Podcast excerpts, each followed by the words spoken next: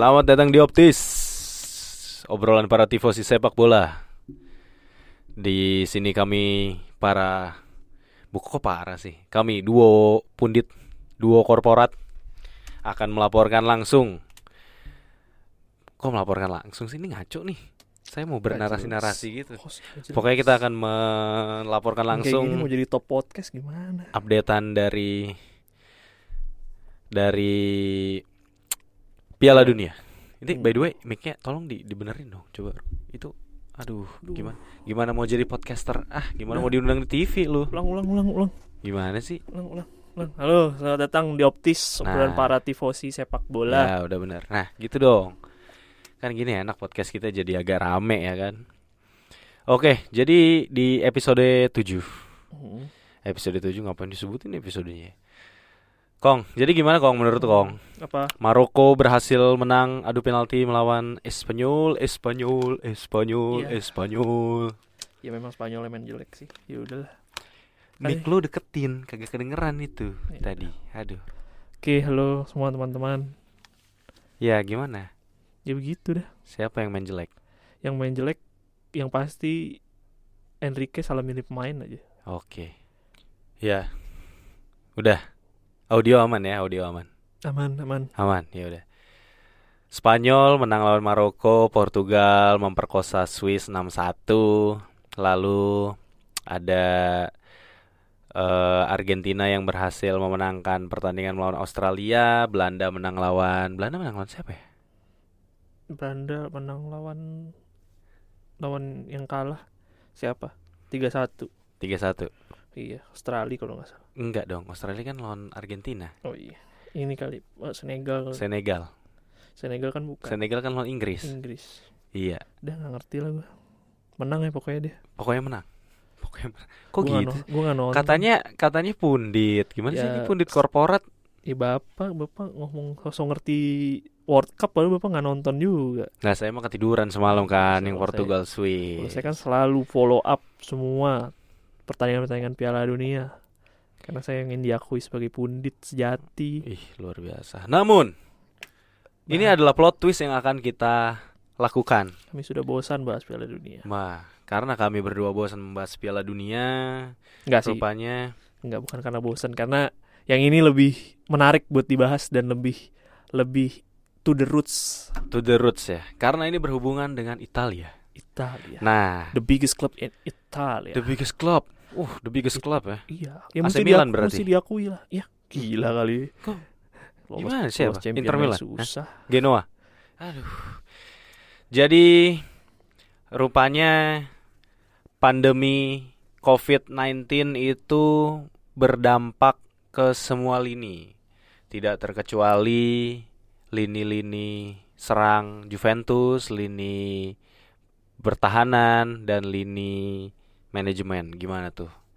Nah, rupanya semua ini berawal dari semenjak pandemi. Pandemi ini selain menyisakan luka duka bagi para korban, ternyata juga menyisakan ruang-ruang celah Iya, untuk betul. dimanfaatkan. betul. Ya, jadi banyak yang mengambil jalan-jalan lain, entah itu jalan pintas, entah itu jalan tidak pintas gitu ya. Hmm. Nah, tidak terkecuali the biggest club in Italia, Juventus. Rupanya semua ini berawal dari pandemi COVID-19. Ya, Rang ya. Iya, sebenarnya di di before lah sebenarnya dari dari sebelumnya cuman ini ini kasus yang hampir mirip tapi ini ngambil dari sudut pandang yang Iya. lain. Serupa tapi tak sama ya. Serupa tapi tak sama. Mungkin kalau sebelumnya yang udah sempet rame kan masalah plus Valenza kan di mana Ya. apa namanya memanipulasi nilai transfer dan itu bukan Iya. cuma ngelibatin Juventus aja ada Napoli Iya. juga setahu gua ada Inter Ada Napoli, Inter. ada Juve dan ada tim-tim lain lah yang Iya. yang yang nggak nggak terlalu gede lah cuman waktu itu yang memang sangat dilihat kan Juve karena aktivitas transfernya kelihatan banget cukup meng- membuat orang tuh mempertanyakan gitu Napoli juga salah satunya buat transfernya Osimhen tuh cukup menjadi pertanyaan karena kan dia ada trading empat pemain dan empat pemainnya dihargain kurang lebih kayak 5 juta euro tapi habis itu nggak pernah main sama sekali Berarti Gitu. Napoli uang-uang haram ini ya ternyata ad, ad- ada metode penggunaan plus Valenza juga tapi pada akhirnya di di pengadilan nggak ada yang bisa membuktikan karena lu nilai pemain bisa menilai pemain kan nilainya sangat-sangat subjek apa namanya nggak nggak ada nggak ada parameter yang bisa dihitung Iya, gitu. Iya, iya, iya. Jadi makanya Tangible lah. Iya, masa- Mm. mas- masalah uh, Plus Valenza akhirnya ditutup dengan dengan keputusan bahwa tidak bersalah, tapi kita sama-sama tahu bahwa itu sebenarnya adalah suatu hal yang menyimpang gitu, Ya, suatu ya, hal yang ya. dipermainkan. Jadi Berawal dari situ. berawal dari situ ya. Oke, berarti gini. Pandemi COVID-19 adalah eh, triggernya untuk akhirnya de- di, di, diselidiki lah nih ya. Maksudnya kecurigaan itu muncul akhirnya setelah di trace back Iya dari betul zaman karena memang kan banyak 2000 banyak tim COVID-19 ya. banyak tim di Italia kan yang, ada- ada- yang ada. ngalamin kerugian Iya. kan pada saat COVID. Nah, kok mulai ini ada ada apa apa kok ada angka-angka yang tidak make sense gitu ada ya. ada akhirnya. kecurigaan. Nah, itu dari dari Plus Valenza itu memang berkembang jadi eh, kasus yang terjadi sekarang di mana Juve diindikasi melakukan manipulasi Gua data oke, pemain gua gua stop dulu sampai sini ya. keuangan. Berarti definisi yang kita tahu adalah plus valenza nih. Kasus plus valenza sebenarnya lagi terjadi di Italia Dan secara sudah- general ya. Dan sudah ditutup sebenarnya kasusnya. Ya, oke. Plus valenza tadi seperti yang sudah dijelaskan itu adalah manipulasi nilai transfer Hmm. dari seorang pemain ya. Ya, ya. betul. Nah, nah dari kasus plus valenza ini akhirnya kasus ini tuh udah ditutup. Ditutup. Namun penyelidikannya ternyata diteliti lagi lebih Betul, dalam. jadi jadi ngelebar lah. jadi ngelebar kasusnya. Nah, ini ngelebarnya tuh gimana, Kong? Kenapa Juventus adalah nama terdepan yang muncul gitu di media? Eh, kalau itu gue tuh biasa gue nggak tahu ya kenapa kenapa hanya mengarah ke Juventus. Karena kalau gue baca di berita ada banyak sebenarnya.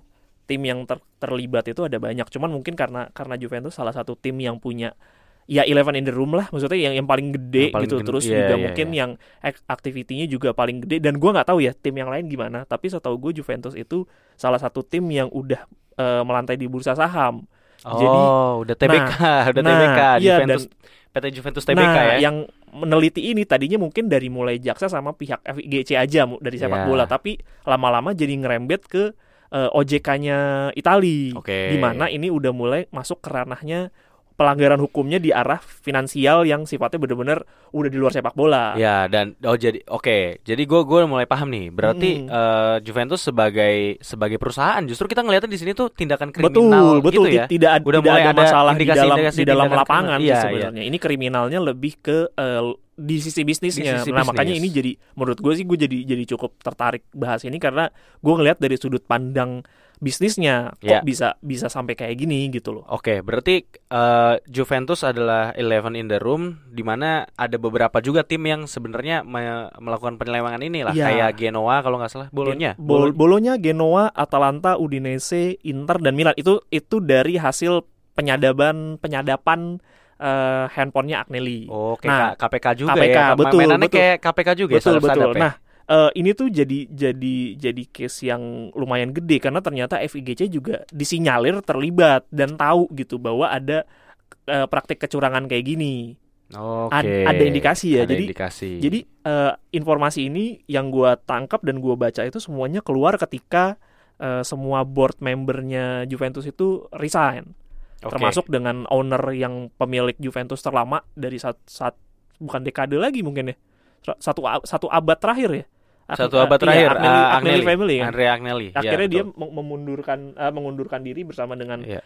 12 jajaran yang lain boardnya, boardnya boardnya, dan iya. ada satu board yang resign tapi terpisah dari 12 member itu karena Iya. dia merasa dia nggak dilibatin di situ dan dia gua resign bukan karena gua terlibat di situ katanya begitu Iya. jadi wah kompleks lah cukup kompleks cukuap chaos jadi di, Oke. di di manajemen Gue bisa sebutin dulu beberapa orang yang resign ya. Saya Betul. sudah mencatat nih. Jadi yang resign itu ada ada eh, Pavel Pavel Nedved, Nedved, eh, betul. Arif Abene, Maurizio Arif Abene itu CEO-nya. betul Lalu ada direct eh, direkturnya Lawrence De Bru, De Brooks tulisannya lain, Susan Haywood dan Francesco Roncaglio. Betul Independent directors kayak Betul. masih Modela tapi setahu gue Arif Bene itu akan tetap stay di board Ya, member sampai iya. Januari sampai betul penunjukan betul terbaru. sampai penunjukan terbaru Giorgio Mm-mm. Tacchia Daniel Mm-mm. Merlin Jadi, nah emang ya ya nama-namanya mungkin nggak nama-nama terlalu itu mungkin kita nggak terlalu familiar Iya. kecuali Pavel Nedved kali ya Tapi kalau kalau ya, gua Iya. gua selidik punya selidik memang itu semua punya kedekatan di di keluarganya Fiat lah, keluarganya Agnelli itu memang semuanya punya Iya. kedekatan lah. Pada intinya di situ. Nah, iya hal yang tadi Iya, disebutin tuh masalah keterlibatan FGC, terus juga masalah informasi yang dilakukan pelanggarannya itu semua baru keluar ketika board membernya ini cabut. Karena yang kita tahu kan Agnelli family ya udah segitu cintanya lah sama Juventus. Iya. Ketika case kemarin eh, apa namanya si pelatih kerennya itu siapa sih gue Allegri Mas Mas Mas Milano Mas Allegri. Mas Milano Allegri oke tuh di dikritik abis-abisan Ju- di depan ya Agnelli gitu kelihatan bahwa ini orang nggak mungkin lah tiba-tiba mau ngelepas jabatannya dia gitu maksud atau ngelepas klubnya dia tanpa Iya, ada garda terdepan lah. ya. tanpa ada reason yang jelas gitu loh bahwa ya tiba-tiba ini cabut sepak bola Italia juga lagi rehat jadi kayak uh kaget gitu semua semua pihak tanpa terkecuali ya kita yang denger juga termasuk jadi yang kaget ya. gitu. Kaget. Kayak Nah, presiden. betul. Jadi informasi pertama yang rilis di publik adalah pelanggaran masalah eh, manipulasi gaji main. Nah, ini yang pertama kali rilis. Oke, bentar, bentar. Sebelum Betul. sebelum lu melangkah lebih jauh berarti Boleh. gua gua rangkumin dulu nih biar Boleh, pendengar tuh enak. Berarti boleh. kasusnya yang pertama itu dari Plus Valenza. Plus Eh, Valenza masalah tidak eh, ke- apa tuh? terbukti. Eh, transfer tidak terbukti, Terbukti. apa manipulasi transfer nilai transfer pemain tidak terbukti lalu akhirnya diselidiki lebih dalam Hmm. nah akhirnya ternyata ada permainan eh yang Disinyalir. disinyalir ada eh, manipulasi apa istilahnya the book lah itu Iya, buk- betul. bukunya Ah, iya, di i- iya. ibaratnya apa eh, laporan keuangannya tuh dimain-mainin lah Iya, gitu ya betul, bahasa betul. gampangnya ya nah mulailah akhirnya diselidikin diselidikin nah, Nah. mulai nih baunya itu mulai makin santer karena board Juventus mulai cabut-cabutan nih Dan Ya serentak kan? ya, dan, dan- dan serentak, serentak cabutnya ya. serentak. Oke, lanjut Kong dari yang Nah, tadi. Oke. Nah itu eh, masalah eh, penyelewengan gaji pemain itu sebenarnya udah tercium di 2021 September atau ini November. masalah ini ini yang mulai lu sebutin ini masalah-masalah pertama masalah ya? pertama, masalah, ya? pertama, yang tuh yang jadi yang jadi yang jadi apa trigger gitu ya, Iya, yang, betul, yang, yang men-trigger kayak jaksa penuntut tuh untuk ngecek nih gitu ya. Iya, Oke. iya, iya. Masalah transfer, ah, Ma- silakan lanjut Masa- lanjut. Masalah eh, apa namanya eh, gaji pemain. Jadi Oke, di sini case-nya adalah pada saat COVID kemarin, ya seperti perusahaan-perusahaan yang lain, mungkin ada beberapa company di Indo juga yang udah ngalamin ketika kemarin COVID banyak yang either mungkin gajinya dipotong atau tunjangannya dipotong kalau PNS ya yang setahu gue atau Iya. juga kayak THR dicicil karena itu Iya, benar. gunanya untuk Ada apa? teman kita yang iya, iya kayak gitu. banyak Ah, lah use case use case gitu. Nah itu ah. tidak terkecuali ternyata pemain sepak bola Iya ya. betul, Ah, tanpa terkecuali juga. pemain pemain sepak bola dan itu ter- berlaku untuk Juve. Nah, di manajemen Juve berpikir untuk menyelamatkan atau mengurangi pa- apa namanya OPEX-nya mereka atau Ya. pengeluarannya mereka. Operational expenses ya teman-teman Iya, OPEX betul. tuh. Ya. OPEX itu termasuk salah satunya gaji. Nah, itu Hmm. mereka rilis ke publik bahwa mereka potong 4 bulan eh, gaji staff dan pemain di Juve untuk eh, mereduce eh, pengeluarannya mereka. Ya. Nah, itu yang dirilis di publik. Nah, kenyataannya yang memang sekarang sudah sudah di secara secara hukum sudah dipermasalahkan eh, itu adalah ternyata pada kenyataannya pemain itu hanya dipotong sebulan gaji. Tiga bulannya itu dibayarkan under the table, which mean itu tidak terdeteksi secara pajak dan itu tidak ter- terdeteksi secara eh, legal. Legal itu maksudnya nggak ada eh, transferan gaji yang legal gitu loh. Bahwa Ngerti, itu kayak nggak ada slip gajinya. nggak ada slip gajinya itu ya semuanya terjadi secara ilegal atau under uh, under the table. Oke, berarti bahasa gampangnya gini ya. Misalnya gua perusahaan lu nih, gua pemain Hmm, Juve nih, iya, lu iya. Andre Agnelli atau Iya, siapa pun lah, lu yang lah ya. yang yang ngegaji gue. Jadi berarti lu ngerilis di publik itu tuh eh, apa? Gua lu motong gaji gua 4 bulan nih. Betul. Tapi sebenarnya lu salaman sama gue di belakang kayak Iya. apa? Eh nih gaji lu tiga bulan nih ja, tapi Iya. ya udah nih pegang aja ya. Diem-diem Diem-diem aja. Hmm. Sebenarnya lu dipotongnya cuma sebulan doang, ini mah biar Hmm. biar gampang aja ini mah. Nah, Hmm. tapi keuntungan buat Juve melakukan itu tuh apa? Nggak kena pajak. memanipulasi laporan keuangan supaya minusnya lebih sedikit. Which mean minusnya se- lebih sedikit Iya, berarti Gua masih performance perusahaannya di- dianggap lumayan baik dengan dianggap Nger- lebih oh, lumayan gua. baik.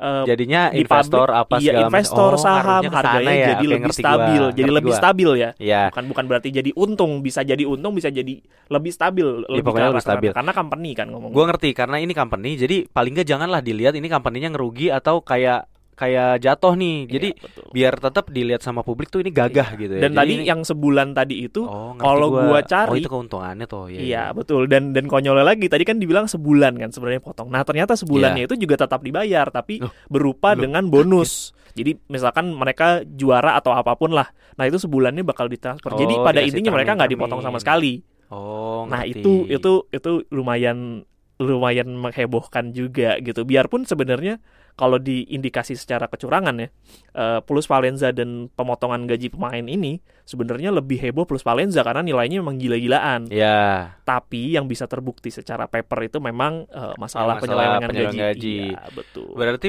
ini pemain Juventus ini juga agak ini ya, mata duitan ya, nggak mau dipotong ya gajinya, Eh, biar tetap mau stay. Kalau gue jadi karyawan, gue ya gue take it the money lah. Gue gua gua nggak peduli sih. Gue nggak peduli klub gue. Ya itu haknya mereka lah menurut gue. Oh iya sih. Ya, itu haknya mereka sih. Iya Menurut gua, daripada daripada pada cabut-cabutan juga kali ya. Mungkin ya menurut eh, gue ya. Jadi menurut- biar kelihatannya mempertahankan juga. mempertahankan juga gitu ya. Jadi Iya. performa di lapangan nantinya tetap bisa Betul, jadi juara. Oh, betul. ngerti gue. Sebenarnya gue oh gue mulai paham nih, Kong. Ini serius nih gue baru paham sekarang nih, teman-teman.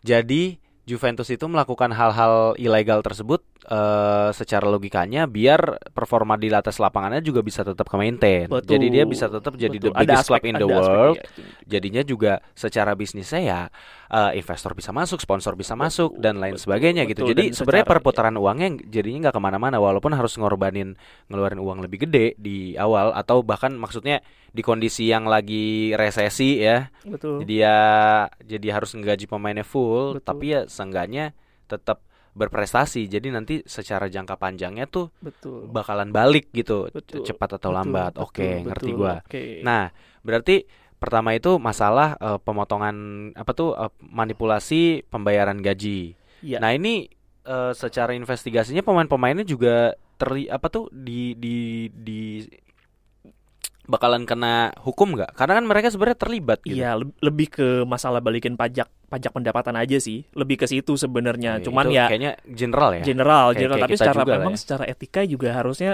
lo ketika ada penyelewengan kayak gini kan lo harusnya ngelaporin karena kan negara rugi Iya. sebenarnya. Tapi ya Ya, whatever lah, whatever lah. Karyawan. Iya, kar- karyawan lah ya. uang. Maksud gue ya the big- the most evilnya memang terjadi di di di area manajemen lah intinya. Ya, ya, ya, ya. Nah masuk lagi ke situ, nah akhirnya di di bulan akhir November kemarin Mhm. eh, itu secara pengadilan sudah sudah sudah memasukkan board-boardnya itu sebagai tersangka.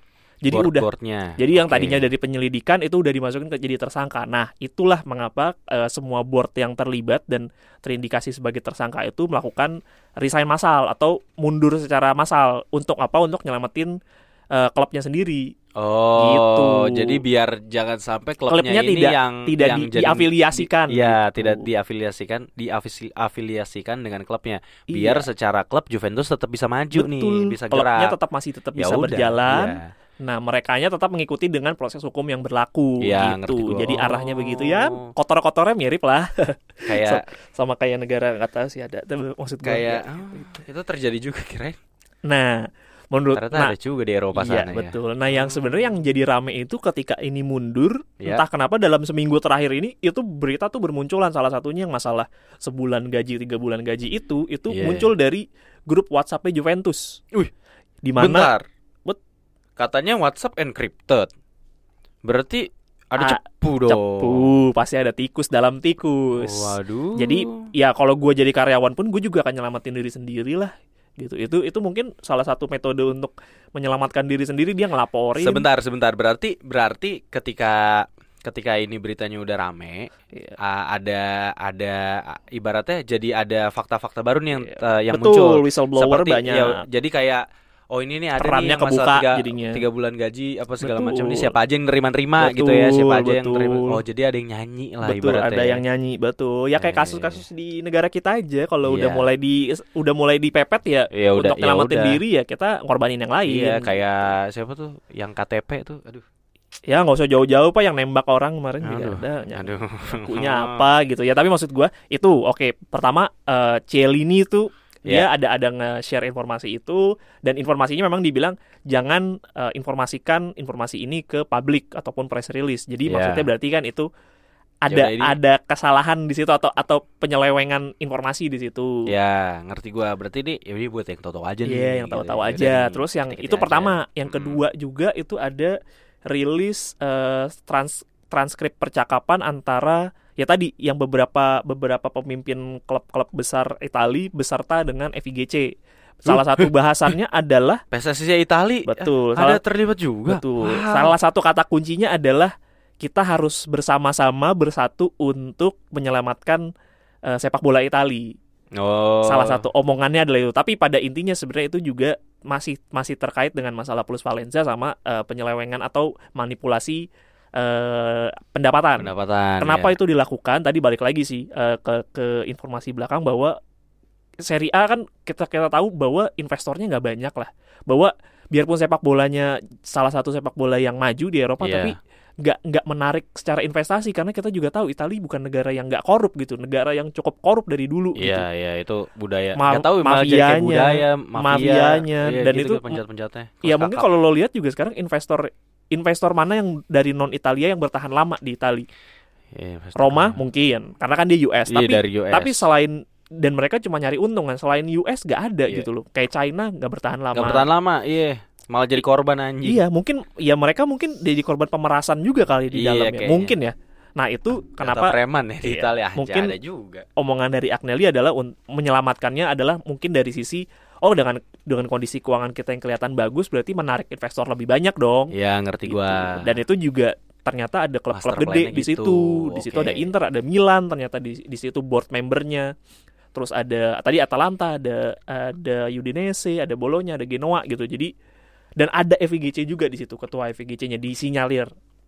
Jadi semuanya sudah tahu sama tahu sebenarnya. Iya, tinggal siapa aja nih yang jadi yang kena duluan sebenarnya. iya kan mungkin yang lain bisa aja Atau ngomong ya? oh gue datang tapi gue nggak gua nggak mengiyakan atau gue nggak setuju Iya. dengan idenya Agnelli gitu bisa Iya. aja kan bisa menyelamatkan diri masing-masing bisa sih. Tapi memang investigasi masih berjalan ya. Ini masih berjalan tapi ini yang, yang, paling kenceng sih Juve memang. Juve dan ya. udah jadi tersangka Udah mereka jadi tersangka. udah, udah masuk di trial yang lainnya soalnya. mungkin masih masih dipanggil sebagai saksi mungkin ya. betul Kita, betul ya ini secara berita kita masih belum tahu. Jadi Betul. eh, masih nunggu juga ya Betul, untuk betul, klub-klub yang betul, tadi disebutkan gitu. betul ini juga bukan bukan membuktikan bahwa Juventus salah secara hukum ya ini kan semua masih masih proses hukumnya masih berjalan tapi Ya. sudah dapat indikasi bahwa Juve tuh ngelakuin ngelakuin hal-hal seperti itulah praktik-praktik kecurangan seperti itu dan efeknya juga salah satunya stok mereka di stock exchange tuh disuspend karena ngalamin ARB berapa kali gitu penurunan saham yang drastis Oke oke oke oke ngerti gua. Nah,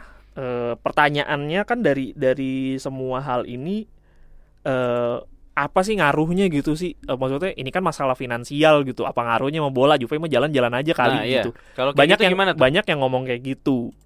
Pada kenyataannya sebenarnya tidak tidak tidak sesederhana itu karena yang pertama kali di pertama kali jadi masalah adalah Juve ini udah ngelanggar beberapa aturan selain dengan aturan sepak bola yang yang pasti udah aturan hukum udah, udah dilanggar hukum lah. itu. Iya, dia udah money cook the book tuh. Iya, eh, kriminal, Pak. udah kriminal betul Ah, betul dan di- udah- yang udah dirugikan udah banyak lagi. orang, udah Iya. investor, udah Mm. ya lebih banyak sih investor ya dari pihak luar gitu, udah bukan pihak dalam lagi yang Iya, yang betul betul betul.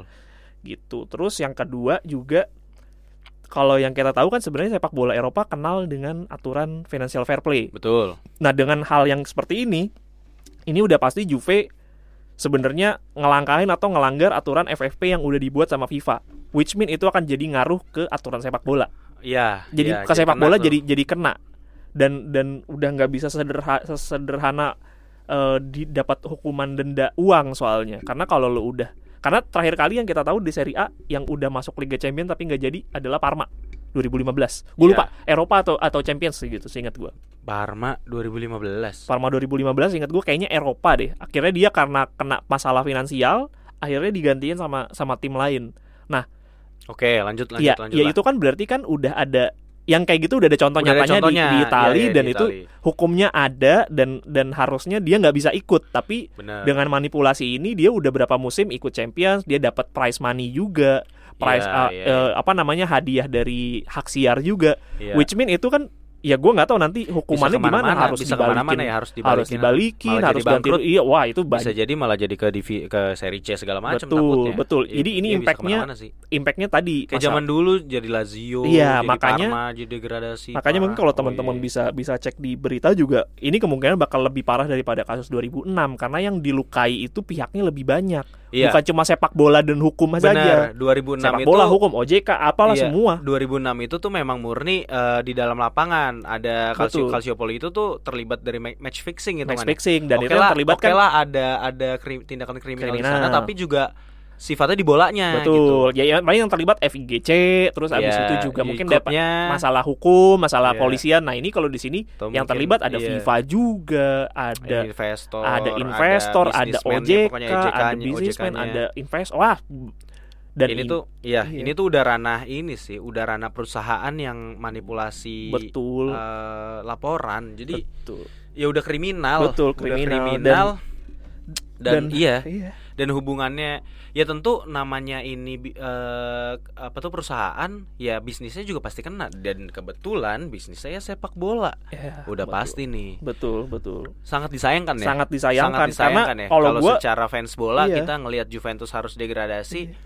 atau harus dihukum yang Iya. gimana gitu ya Iya. yang akhirnya tidak ada di level tertinggi lagi, Iya. mungkin pemainnya jadi ya kecewa lah gue maksudnya ya iya, kan eh, banget. sifat kompetitifnya jadi jadi makin berkurang kan Iya tapi benar-benar. di, di di satu sisi gue ngelihatnya adalah yang yang yang paling menakutkan adalah ini bakal bakal menghilangkan keran investasi dari dari luar di mana itu berakibat Iya. ke semua tim Serie A jadinya Tapi ya gua balik lagi gimana ya ini biar jadi pelajaran juga lah gitu biar klub-klub lain tuh yang emang punya uang banyak Iya. atau apa biar nggak sembarangan juga gitu loh. Eh, iya, iya. Juventus yang yang sebenarnya pengen duitnya instan juga Iya. gitu loh tapi tapi tapi Agnelli ini Agnelli ini kaya raya tapi masih bisa manipulasi-manipulasi gini ya. Ini logika yang salah atau gimana kok? Iya. Enggak, Maksudnya dia bisa kan- nambahin dari nggak nggak se- nggak sesimpel nggak sesimpel kalau gue punya duit gue terus taruh kayak gitu sebenarnya kan eh, sifatnya mesti ada sifat investasi kan di mana Ya. harus ada pihak ketiga gitu loh nah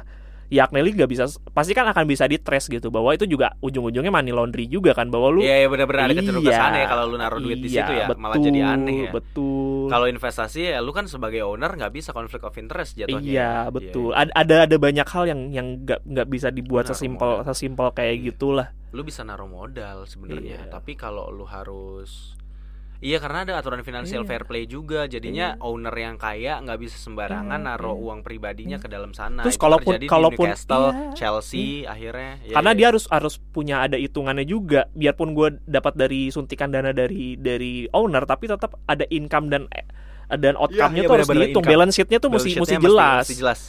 Kalaupun bisa kayak begitu, menurut gua Agnelli ini still a businessman, bukan orang yang bukan orang yang angel banget gitu loh. Dia juga Iya, tetap iya, iya, ngelihat iyalah. untung rugi lah. Iyalah. Logika logika di mana bahwa dia juga kayak ah ya udah deh gue taruh aja gitu. balik Terus kecintaannya dia iya. kepada Juventus Tetap ada sepak bola ya. hitung-hitungannya Tetap lah. ada hitung-hitungan lah. Tetap ini bisnis sih tetap ini semuanya. bisnis ya menurut gua yang yang sangat dikecewakan buat gua adalah ini bisa berdampak buruk Fans. sama fans mungkin one thing lah kalau menurut gue ini ngelihatnya ke Serie A-nya gue ngeliat bigger picture-nya Serie A bakal kehilangan muka sih di sini kalau FIGC nggak nggak nggak segera reformasi ya maksudnya kayak ya mungkin kayak La Liga bisa kayak Tebas gila aja sekalian gitu main ada salary cap atau kayak gimana untuk nyelamatin liganya sendiri iya, supaya liganya bisa lebih kompetitif, liganya bisa lebih adil, terus juga secara klub bisa lebih sehat. Makanya Ya, kemarin ya. yang kuar-kuar pertama kali kan Tebas. Iya. Kalau lu ngeh nggak nggak gua. Karena karena Tebas nih udah sebel juga Sebel sama klub-klub gede klub-klub gini. gede. Karena yang, yang mainin, mainin, yang mainin hukumnya celah hukumnya kayak City PSG dan Karena nggak adil, gue juga ya, Iya. gue juga percaya pasti mereka ngerasanya kayak eh, si Tebas akan ngerasa, gue udah ngikutin aturan lu, gue iya, udah gua ngukurin, apa namanya gue udah ngikutin hukum sampai klub-klub gue akhirnya belanjanya juga seadanya. iya. Terus dengan konyolnya ada tim lain yang bisa ikut champion setiap musim tapi mainan mainan balance sheet gitu. Sementara gue udah ngikutin hukum. Iya, Jadinya kan benar. orang kesel gitu. Kesel, ada orang kesel. yang bener tapi gak dihargain ketika ada dihargain. orang yang Ketika gak ada bener bisa bisa melenggang bisa- jauh gitu. Iya. Bisa Kayak- bebas. kayak tahu tuh Ya kayak akrab ya. gitulah. sama Jadi Kayak- gue kayak dekat dengan kehidupan sehari-hari iya jadi gue cukup gue ngerasa gue gue jadi jadi cukup tertarik sama case ini karena ini banyak banyak pihak yang dilukai sih. tapi menurut menarik gua. tapi menarik gue juga baru ngeh sebenarnya seri A nya yang bisa jadi eh, bigger di- picture Serie A menurut gue gue sih sebagai fans menyayangkan banget ya maksudnya Iya. klub kesayangan gue yang setelah 10 tahun merana akhirnya pelan-pelan bisa iya. main lagi di Kalau tiba-tiba kita satu terus- satu satu Iya. negara, apa maksudnya satu satu liga nggak bisa main di Eropa sih, amsyong sih. Amsyong. Udah minus duit, investor nggak ada, kagak ada yang nonton nggak ada yang nonton, yang nonton orang-orang itu doang. iya Masalah sih, menurut gua bakal jadi masalah gede sih. Ya, Makanya dan dan kita sebagai penonton juga malah aneh jadi malah kayak Hmm. orang goa Iya. kita nonton seri A Iya. sendiri Iya. yang lainnya nggak ada yang mau nonton nggak ada yang tahu juga menurut gue sih ini mesti bener-bener reformasi banget ya FIGC eh, ngelihat ngelihat apa namanya case kayak gini kalau dia masih tutup mata juga terus juga masih kelihatan ngebela banget boardnya Juventus ya bukan Juventus. Secara klub ya kita akuin lah Juventus secara klub udah udah gede gitu dan dia punya histori banget lah. Iya tapi gini loh Kong. Kalaupun ada kecenderungan ngebelain Juventus menurut gue wajar. Karena FIGC juga balik lagi butuh duit gitu Operator sumber butuh duit. Sama aja lah kayak di Indonesia gitu loh Atau nggak harus Indonesia deh Banyak lah di mana mana Kalau misalnya Juventus ini harus dihukum atau nggak bisa main atau apa Ya lu bayangin berapa banyak fans yang akhirnya apa nggak jadi nggak punya tim yang harus didukung gitu. Ya, know. perputaran uangnya ke mana? I know I gitu know. gitu loh. I know cuman eh jadi ya maksud gue Ya, harus- aja juga iya, lah. kalau misalnya ada ada kalau narasi gua- yang iya, narasi- kayak gitu. narasi ya one thing ya oke lah. Cuma maksud gue ada ada ada ada apa namanya eh yang kepentingan lebih besar gitu loh Iya. kepentingan lebih besar yang harusnya bisa dibela gitu. Ketika lo dukung Juventus oke lah. Juventusnya secara secara klub akan tetap sustain tapi ternyata secara liga lu nggak sustain. Ya Iya, udah sama itu aja mati aja mati gitu. aja ya sayang banget sih. Ya menurut gua harus punya otak lah mereka lah dan gue yakin mereka bukan orang goblok lah nggak mungkin. Ya gue gue dengar dari in- dari ininya De Laurentiis juga ownernya Napoli dia bilang gak mungkin lah FIGC nggak tahu hal-hal yang terjadi di klubnya yang dia mereka manage itu itu hal yang mustahil gitu loh. Berarti ini adalah skandal besar setelah Calciopoli ya? Iya betul. Eh, dan yang dan mungkin lebih besar. menurut gue ini jauh lebih besar sih karena udah bukan ngelibatin sepak bola aja di iya sini. ini udah ngelibatin. Iya sih udah tindakan kriminal. Iya, terus juga- yang, yang di- ngerugiin pihaknya lebih Oh, banyak. banyak banyak Banyak banyak banget. banyak banyak. Aduh sayang banget ya. Betul, dan yang tadinya plus Valenza udah nggak di udah ditutup buku, akhirnya dibuka lagi. Dan salah satu yang kasus yang yang kemarin gue baca itu masalah Locatelli. Jadi dia ada klausul transfer sama Sassuolo. Jadi Juventus beli sekian juta, Iya si Sassuolo itu boleh beli ngambil pemain Juventus dengan harga tertentu. Jadi oke ya kayak Oke, kayak ngerti, trading gitulah kayak pokoknya. ada apa ya Ada rilis close release tapi khusus buat Jadi ada transfer dalam transfer, kebijakan transfer di dalam transfer. Jadi pemain Sas Sassuolo tuh boleh ngambil pemain Juventus harganya 3 juta euro gitu. Tapi Oke. pemain misalkan mungkin pemain umur berapa ada ada ada range-nya mungkin ya. oh Tapi ya kayak gitu. Jadinya kan kayak ah ini sabun banget ini gitu. jadi kayak grosiran ya Betul dan yang dan yang lucunya itu Locatelli pada saat pindah ke Juventus sebenarnya dia udah ditawarin Arsenal sama Arsenal dengan Iya, transfer iya. fee lebih besar. Ini yang pertama yang paling aneh, transfer fee lebih besar dan eh, kontrak yang lebih besar. Mungkin yang kalau kontrak one thing lah ya. Iya. Locatelli mungkin bisa lebih yang ngelihat kecintaannya sama Juventus oke lah. Tapi kalau Oh. dari sisi klub mana Masa? ada mana ada klub yang dikasih Oh. duit lebih gede kagak mau ngambil. Ada apa dengan Sassuolo dan Juventus? Yap, Waduh, itulah. berarti ada- Jadi ada- maksud ada gua- ya. Itu salah satu yang dibuka dan akan ada banyak lagi mungkin yang akan dibuka. Jadi menurut gua ini jadi saga baru yang gua sih tuh biasa setiap hari gue selalu buka sih. Gue selalu cari di Twitter beritanya, gue cari di media Itali karena memang ini gede banget sih. Gua ini gua yang, gede banget sih. gua sebelum ngetek podcast ini baca sekilas banget ya di La Gazzetta Mm-mm. dello Sport. Itu juga cuma ngeliat highlight doang. Emang bener-bener ini tuh berita gede sih. Betul. Sama kayak ya kayak lo kita di Indonesia ya kayak berita PSSI ada mafia waktu kayak kasus mafia bola kemarin. Betul, betul. Cuman kalau menurut gua mafia bola kemarin tuh ya udah apa eh, kalau di itu nggak ngeganggu ini loh. Maksud gua nggak sebenarnya pihak yang dirugikan tuh ya eh, bukan dari sisi perusahaan gede-gedenya Iya. gitu loh. Ada Iya. yang dirugikan tapi ya ini kan ranah hukum gitu maksud Iya. gua nggak bener-bener eh, involved di dalam lapangan dan sebagai bisnis eh klub atau apa pun tuh nggak nggak yang terlibat. Beda sama Juventus ini gitu. Iya. Cuman maksud gua di La Gazzetta dello Sport tuh udah bener-bener headline-nya ini semua gitu. Iya. Jadi emang ini menurut gua di Italia sendiri pun kayaknya skandal deh. skandal Udah skandal bener-bener ska- jadi skandal banget. gede. Kayaknya geleng-geleng kepala juga nih eh, warga Italia. Ada lah yang teriak-teriak gimana? Ya udahlah, emang udah kita nggak layak masuk Piala Dunia lah. Beginilah FGC-nya Iya, pasti iya. ada itu. Iya pasti pasti, Pasti ini, ada, ini, pasti ada. ini ini jadi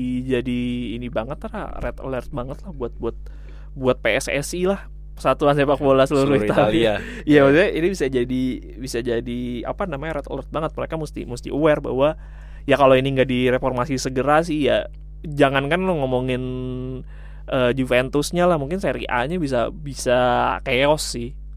Sekarang Iya. tanpa ada case Juventus aja klub-klub udah udah ada berapa klub sih yang udah sekarang udah dibubarkan secara secara tim gitu. Iya, iya, ya iya. ada Make sense. yang gue inget di Palermo, Cesena udah banyak gitu. Iya, iya udah dalam jadi di, dalam lima iya, tahun bener. terakhir aja deh gitu aja udah banyak dan apalagi kalau kayak gini investor lebih turun lagi. Berarti emang berarti emang kenapa sepak bola Italia turun tuh juga emang masalah di internal negaranya betul juga ya. betul. Mungkin Mungkin investasinya tahu susah masalah atau gaya pajaknya dia. masalah pajak, masalah ya premanisme tadi tanda Iya, kutip karena ya.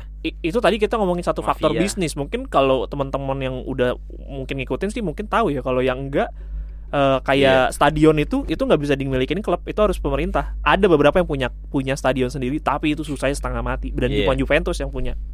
Sisanya setahu gue itu Sisanya punya, Pemda, punya, Pemda, punya Pemda. Inter Pemda kan berbagi dengan Inter sama dan Milan Pemda. Iya, Pemda Jatuhnya kan. bahasa gampangnya Na- Pemda. Napoli ya. juga Pemda dan banyak yang masih Pemda, karena Naples ya. karena ya itu karena ya banyak hal lah ya ya ya mungkin nanti kita di podcast berikutnya atau episode lain kita bisa bahas dari aspek bisnisnya ya Iya, cuman ya gitu sebegitu kompleks dan problematiknya sepak bola Italia sih dan Juventus dalam hal ini jadi salah satu pionir lagi di di salah satu di, di salah satu skandalnya, di skandalnya. Italia. ya. ya kita lihatlah sebag se- bagaimana ini berakhir ya gue sih lebih berharap bukan masalah degradasi ya gue berharap eh, nama baik secara sepak bola Italinya bisa recover lah Iya, gue pribadi sebagai kalau gue dari kacamata fans bolanya gue menyayangkan gitu loh maksudnya talenta-talenta Itali yang harusnya bisa main dengan tenang, Eh, bisa berkompetisi dengan nyaman, yang berkembang gitu ya. Dan banyak juga kan eh, pemain-pemain dari negara lain yang ibaratnya nyari nyari eh, ilmu dan Iya. nyari rezeki di Italia ya jadi kena juga. jadi dan jadi mungkin jadi males juga Jadi kalau males jadi jadi juga males akhirnya. eh, Iya. mikirin kayak ah gue ngapain masuk Iya, mending gue ngambil ke Jerman lah mending gue Iya, ngambil mungkin benar. dia kan lebih mikir mending Portugal sekalian biarpun Iya. secara tier lebih bawah tapi lebih lebih punya potensi dan dan Iya, gak banyak iya. masalah mungkin ya Jadinya- gue nggak tahu ya, Iya, jadinya sayang aja sih gitu. Iya, ya semoga lah Semoga semoga ini bisa cepat kelar dan semoga eh, ya memang apa pun yang salah ya dihukum seadil-adilnya tapi Iya. juga ya semoga nggak ada pihak yang dikorbankan lebih besar lah dari ini gitu Iya. ya. Walaupun memang ini sepertinya udah besar sih. Iya, dari sepertinya kita tahu Tapi lah. menarik lah saga Ini- ini, untuk di untuk dibahas ya. Mungkin ini pasti akan ada update-nya sih. Ya sebenarnya sini juga, juga kita ya. mungkin udah tahu ya hasil akhirnya bakal gimana. Iya, gue Cuman- juga. Cuman nggak mau kita sebut Oh, aja iya. nih.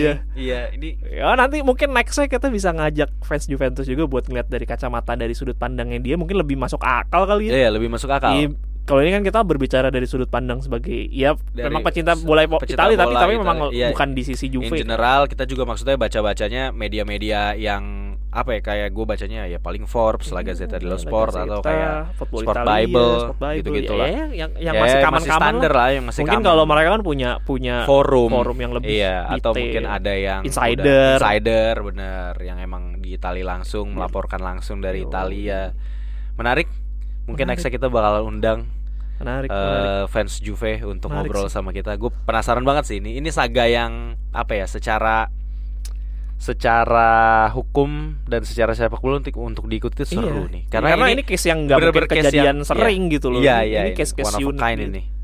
Ya udah mungkin itu aja untuk episode ini. Betul, Kita makan malam dulu betul. dan bersiap untuk nggak ada pertandingan Piala Dunia ya hari ini. Ya kita kan tag hari Rabu besar. ya lagi istirahat lah. Nanti mungkin kita bakal tag lagi buat bahas siapakah juara dari Piala Dunia. Iya, Begitu saudara-saudara. betul sekali. Saya masih menjagokan Argentina Hmm. untuk jadi Maroko juara. lah. Agak. uh. Mar dua ibu Maroko tuh dua ibu. Maroko 2000. Sekian. Terima Thank kasih. you.